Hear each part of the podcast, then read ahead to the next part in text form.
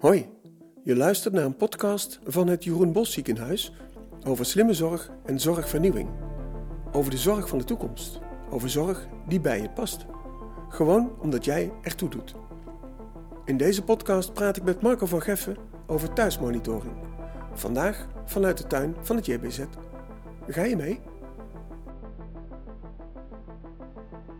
Hey Marco. Hey, goedemorgen Mark Anthony. Ah, leuk. Ah, Ja, zeker. eh, het is vroeg. Ja, en wel fris, maar En wel, fris. lekker. Ja, nou, we staan hier, eh, ja, we lopen hier langs eh, het Jeroen ziekenhuis.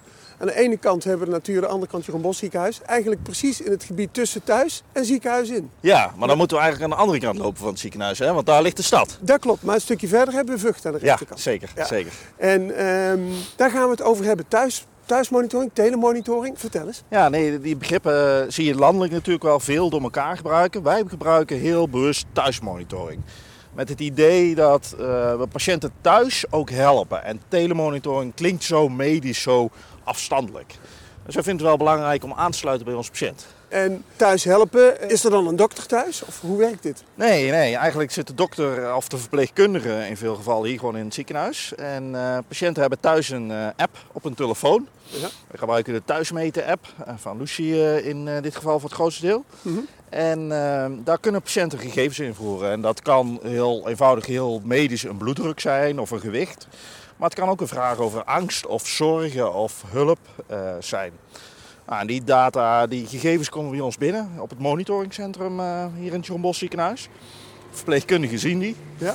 Eh, en afhankelijk of het eh, nodig is, kunnen zij ook contact opnemen met die patiënt. En in gesprek gaan van, goh, wat zien we gebeuren? Waarom is je bloeddruk wat hoger of waarom ben je angstig? En dan gezamenlijk het gesprek aangaan. Is thuismonitoring voor, voor iedereen geschikt? Eh, ja, voor veel mensen wel. We merken dat op, het op zich vrij goed gaat. We- merken altijd op het moment dat mensen het wachtwoord van een App Store eh, hebben gevonden en de app gedownload hebben, dan gaat het eigenlijk best wel goed. Eh, dus ja, iemand moet wel een mobiele telefoon hebben of een die- ander device waar de app op kan draaien. En we moeten natuurlijk een internetverbinding hebben. Ja. Maar we zien dat dat toch die, die ontwikkeling, die digitalisering ook bij andere mensen toch wel heel hard gaat. Hè? De bank moet je ook tegenwoordig digitaal, dus Ja. Het is redelijk vanzelfsprekend aan het worden. Maar de, en de internetverbinding kan van een telefoon komen? Of moet, is dat een ingewikkeld beveiligd netwerk thuis? Nee, nee, het is gewoon eh, 4G. De app eh, zelf zorgt voor beveiligd versturen van de gegevens. Oké. Ja. Wat voor patiënten zijn het? Want je moet, je moet dus om kunnen gaan met een telefoon. Nou, dat Ja. kunnen heel veel mensen tegenwoordig. Ja. Mogen ze er ook bij geholpen worden? Ja, zeker. Ja, we, verschillende programma's doen het naast. Hè. We hebben natuurlijk in de COVID-periode COVID thuis gehad. Eh, nou, die mensen waren best wel ziek, maar die zijn toch eerder naar huis kunnen. Maar we hebben altijd wel gekeken of er dan naasten zijn. eh, of mantelzorgers die dan kunnen helpen met appgebruik en dergelijke. Dus de patiënt hoeft het niet per se zelf doen, maar moet daar natuurlijk wel toestemming voor geven. Het moet wel samen met de patiënt zijn altijd. En hoe wordt een patiënt nou gevonden die geschikt is voor thuismonitoring? Ja, we hebben ongeveer 21 eh, verschillende programma's al lopen. En bijna elke maand komt er wel een nieuw programma bij. En eh, nou, dat, dat gaat van longgeneeskunde tot kuilogie, tot eh, chirurgie, tot gynaecologie. Eigenlijk heel divers door het hele ziekenhuis eh, heen, door heel veel verschillende specialismes. Ja, ja. En bij de meeste programma's is het wel zo dat de arts of eh verpleegkundig specialist in gesprek gaat met patiënten. ja. En samen overlegt van, goh, zou thuismonitoring iets voor jou zijn? Dus het is niet zomaar dat we iedereen aan thuismonitoring zetten. Zeker als het gaat om de chronisch zieke patiënten. ja precies. Ja, we hebben ook wat eh, chirurgische patiënten. Daar bieden we het wel aan om begeleiding rondom bijvoorbeeld een staaroperatie of rondom eh, heup- of kniezorg. Ja. Dan bieden we ook de app aan, maar dan bieden we hem wel echt aan iedereen aan. En ik kan me voorstellen dat thuismonitoring dus ge- gebruikt wordt nadat je iets is overkomen. Ja, vaak wel. Maar wordt het ook wel eens ingezet om een patiënt bijvoorbeeld in een betere conditie te krijgen voor een ingreep? Ja, n- eh, we- doen bijvoorbeeld bij hoofdpijn gebruiken we thuismonitoring als een soort dagboekfunctie. De mensen Ja. kunnen aangeven hoe vaak ze hoofdpijn hebben. Eh, nou, daar zitten vaak best wel zware medicijnen eh, achter. Dus dan proberen we ook voor het volgende consult bijvoorbeeld goed uit te vragen welke medicijnen gebruik je, hoe vaak neem je, hoe vaak heb je last. Om juist in het volgende consult op de polykliniek, eh, en dat kan natuurlijk via beeldbellen of via eh, fysiek op de poli zijn, om dat gelijk mee te kunnen bespreken. Dus dan gebruik ik het ook als voorbode of als een verzamelmanier om uh, ja, betere zicht te krijgen op hoe het nou met je gaat. En kun je eens vertellen hoe het in zijn werk gaat? Dus vanuit een patiënt gezien bij de patiënt thuis? Ja, ja, als we echt al helemaal aan het begin uh, beginnen, uh, nou, vaak uh, komt die patiënt inderdaad op een poli, bijvoorbeeld bij hartfalen of bij... Nou ja, bijvoorbeeld bij hartfalen, daar de verpleegkundige specialist gaat in gesprek met die patiënt en nou, samen komen ze erbij van ja, goh, je hebt behoorlijk hartfalen. En hoe kan thuismonitoring je daarbij helpen? Nou, dat kan soms al wel zijn als die patiënt opgenomen ligt. Ja. Uh, maar soms uh, ook als hij later op de polykliniek komt. En ehm, nou, dan als de patiënt opgenomen ligt in de kliniek, krijgt het monitorcentrum de verpleegkundige een berichtje van nou, deze patiënt ligt opgenomen, willen jullie thuismonitoring opstarten? Ja. De verpleegkundige van het monitorcentrum probeert die patiënt dan altijd even te bezoeken op de afdeling. Oké. Ja. Uh, om alvast kennis te maken en te weten van ah, wie is het.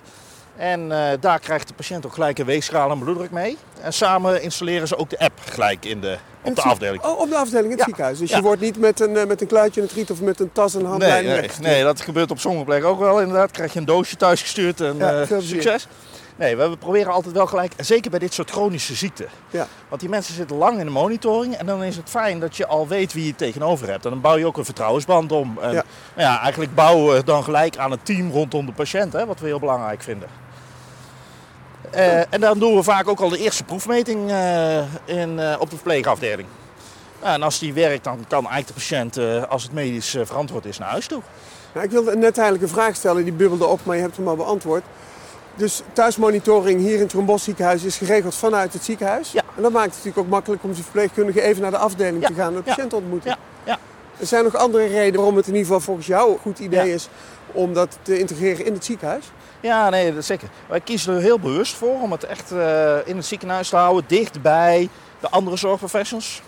Bijvoorbeeld die hartfalenpatiënt. De, nou, af en toe komt daar natuurlijk wel een keer een afwijkende waarde aan of het gaat even niet lekker thuis. Dan wil je ook direct kunnen overleggen met de specialist. En dat kan natuurlijk op afstand. Ja. Maar uh, bij ons zitten verpleegkundigen spreken elke dag even uh, 10 minuutjes die verpleegkundige specialist. Ja. En nemen dan al die patiënten door waar een probleem bij is. Ja. Dus ja, je moet het een beetje zien als een artsenvisite of een verpleegkundige specialistvisite. Uh, dus die band is daarmee heel nauw. Ja. En ook het vertrouwen aan beide kanten groeit heel snel. Dus de verpleegkundige specialisten en de cardiologen hebben snel heel veel vertrouwen in het monitorcentrum, omdat ze de mensen ook echt kennen. Ja. Uh, en de verpleegkundigen van het monitorcentrum leren weer heel snel. Dus daarmee worden ze veel slimmer en sneller. Ja. En nu zitten we op dat zij ruim 80% van alle meldingen zelfstandig af kunnen halen. En dan zijn het de afwijkende meldingen. Hè? Dus meldingen die binnen de normwaarden zijn, die komen nog ineens binnen. Nee, ja, precies. Die, die, die, die eh, eh, geven geen signaal van Nee. hier moet naar gekeken Nee, worden. nee, nee, die heeft geen alarm zoals Ja, ze die noemen. precies. Hoeveel verpleegkundigen werken je in het Jeroen ziekenhuis op thuismonitoring? Ja, we hebben nu een, eh, een vast team van zeven verpleegkundigen eh, bijna, maar we groeien heel snel. eh, Ja. En ik moet ook bij zeggen, in de avond- en weekend monitoren we ook. Daar Ja. zitten geneeskundestudenten. Oh. Dus die hebben dat als bijbaantje. En ja, ja die kunnen dat prima. Die hebben allemaal hun bachelor al behaald, dus die hebben echt wel wat inzicht. Het is wel heel protocolair wat we in de avond-weekend doen. Ja. Eh, overdag zit er natuurlijk veel meer het begeleiden en het motiveren van de patiënt, waardoor, waarvoor verpleegkundigen juist goed zijn. Maar in de avond zitten vooral de geneeskundestudenten. ja, Ja, dat dat is een hartstikke leuk baantje voor hun. ja, en dat je toch een vinger aan de pols hebt, is goed voor de patiënt. Ja. En de verpleegkundige heeft op die manier Ja. weer een nieuw contact met... Ja. Ja. Maar dat horen we ook echt van patiënten hoor. Dat ze het veilig voelen. eh, Ja. eh, dat ze die app hebben. En dat er toch iemand op de, over de schouder meekijkt. En heb je een voorbeeld, ken je een voorbeeld van een patiënt die door thuismonitoring eh, eh, eigenlijk het ziek, het ziek zijn heel anders, misschien het beter worden of het aansterken anders heeft ervaren? Ja, eh, zeker. Ehm, in dit geval ook wel heel dicht bij me, toevallig. Mijn eigen zus Oké. Die zit toevallig bij mij in monitoring. Dus dat is best wel heftig. aan de andere kant voor mij ook natuurlijk, dat, dat zij erin zit. Dus ik heb van heel dichtbij mogen volgen wat het betekende als je in thuismonitoring zit. En eh, hoe dat je kan helpen. En zij zei ook iedere keer tegen mij af, als ik toch wel een keer een afwijking had. Dan appte ze mij, oh ik heb weer contact gehad met eh verpleegkundigen en het heeft me echt geholpen. Ja. Ze heeft meerdere malen ook tegen mij gezegd van ja, zonder die thuismonitor had ik me eigenlijk niet zo veilig gevoeld. Ze zegt ja, ik heb jou al in de buurt. Maar ja, Ja. eh, ze zegt dit heeft me wel even geholpen om het vertrouwen in mijn eigen lichaam weer te krijgen. En ook wel een heel kort lijntje te hebben. Ja. En Thuismonitoring is ontstaan vanwege COVID, zeg ik dat juist? Nee, nee, eigenlijk daarvoor al. In 2018 zijn we er al mee begonnen met meerdere pilots. Ja. Toen werkte ik nog bij Kuiligier zelf, uh, Ja. dus ik heb de hartfalenpilot ook mee opgezet. Ja. En uh, dus toen zijn we al met de pilots begonnen en dat liep eigenlijk best wel goed. We zagen alleen dat uh, de pilots zelf voor de patiënten waren heel geslaagd. Alleen op de uh, poli zelf was het lastig. Ja. Want het kwam erbij voor die verpleegkundigen en de artsen. Dus ze moesten naast dat ze hun gewone polies draaiden ook nog naar die patiënten thuis kijken. Ja. Dus dat vonden ze eigenlijk niet zo heel fijn. Toch hadden ze, waren ze wel baat bij die data en de, de, de metingen die eruit kwamen.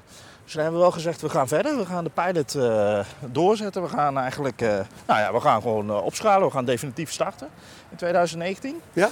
En dat werkt op zich eigenlijk wel goed. Alleen we wisten toen al wel van, nou, misschien moeten we dit centraal gaan doen.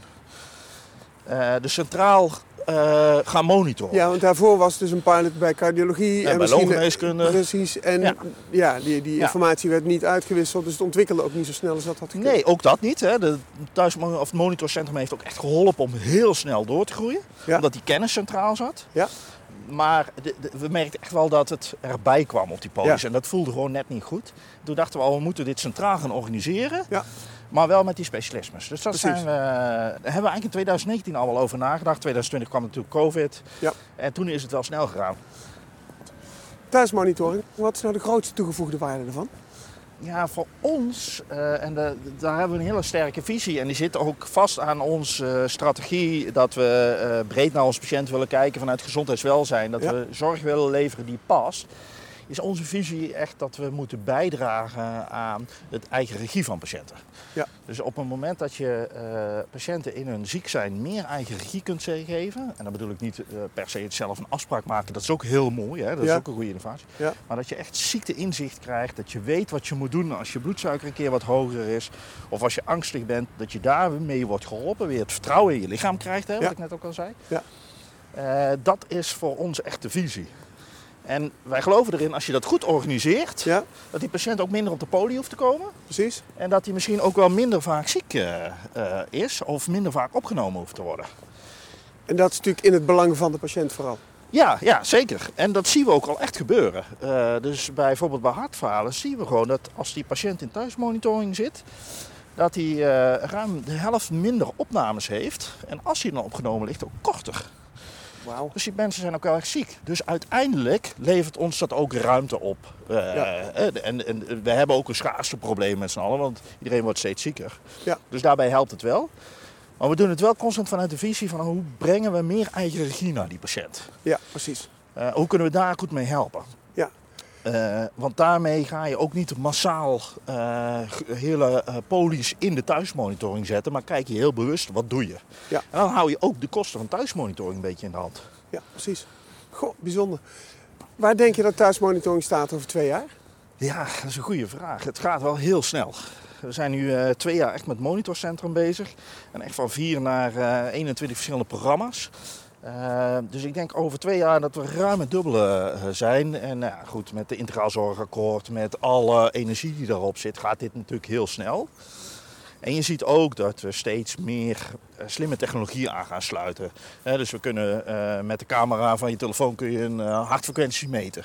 Ja. Dus we hoeven ook niet allerlei aparte apparatuur mee te geven. Nee, precies. Anderzijds gaan we ook wel naar de slimme pleisters bijvoorbeeld. Uh, dat is een, een, een, pleister met een sensor die je om je vinger bijvoorbeeld kunt doen of op je borst kunt plakken. Ja. En die geeft dan uh, informatie over je hartslag, je saturatie, je ademhaling, temperatuur door. Ja.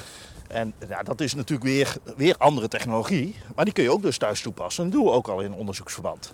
Dus patiënten gaan meteen naar een darm elkaar, de dag daarna al vrij snel naar huis. Ja. Met die slimme pleister. En vanuit het monitorcentrum houden ze op afstand in de gaten. Goh, dat is bijzonder. Ja, het moet natuurlijk wel verantwoord zijn, hè? Ja, medisch ja, precies. En natuurlijk, de patiënt moet ook de omgeving hebben waar je geholpen kunt worden in de eerste paar wat moeilijkere dagen. Ja, en dat soort dingen kun je ook weer allemaal met thuisbehandelingen gaan eh, combineren. Hè. We doen al wel wat eh, intraveneuze medicatie bijvoorbeeld thuisgeven. Hè. Dus, Ja. dus immunotherapieën en dergelijke. Eh, nee, dat doet nu samen do- doen we dat met de regio, met de thuiszorg. Maar die patiënten kun je ook met thuismonitoring weer verder in de gaten houden. Zodat je ze nog minder hier hoeft te zien. Uiteindelijk is dat natuurlijk de grote toegevoegde waarde dat je als patiënt niet met de stress naar het ziekenhuis moet. Auto parkeren, ingang, kamer zoeken. Misschien moet je even wachten.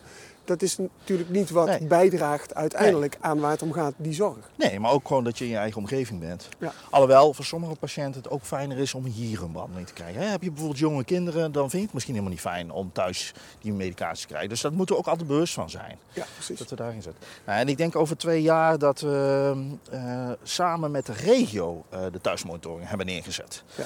Daar zijn we ook volop mee bezig. We doen ook al een paar proeven met eh, dat wij monitoren voor de huisartsen. Ja, Bijvoorbeeld hypertensie of eh, COPD en astma. ja. En eh, dat gaat ook steeds meer komen. Want ook bij hun ligt steeds meer die vraag om op afstand meer te helpen. En meer eh, slimme technologieën in te brengen. En slimme zorg in te brengen. En daardoor ook de afstand tussen de eerste lijn Ja. en het JBZ of Ja. andere ziekenhuizen te verkleinen. Ja, want we zien het ook echt dat het een netwerkoplossing is. Dat je met elkaar eigenlijk naar je patiënt kunt kijken en op het juiste moment de juiste zorgprofessional in, inzet. Dus dat is denk ik wel echt de volgende stap. En eh, nou ja, ik hoop dat ik over twee jaar nog een keer hier mag met je lopen. Ik doe Eh, mee. Maar dat we dan in de binnenstad lopen en dat we dan samen met een huisarts kunnen vertellen: hey, hoe werkt dit nou? Eh, gaan we doen. Ja, Spreken we af. Zetten we de agenda. Marco, ontzettend bedankt. Leuk. Graag gedaan. Okidook. Hoi. Hoi. Deze podcast is mogelijk gemaakt door Manon Taminio, Marco van Geffen en Marc Anthony Taminio.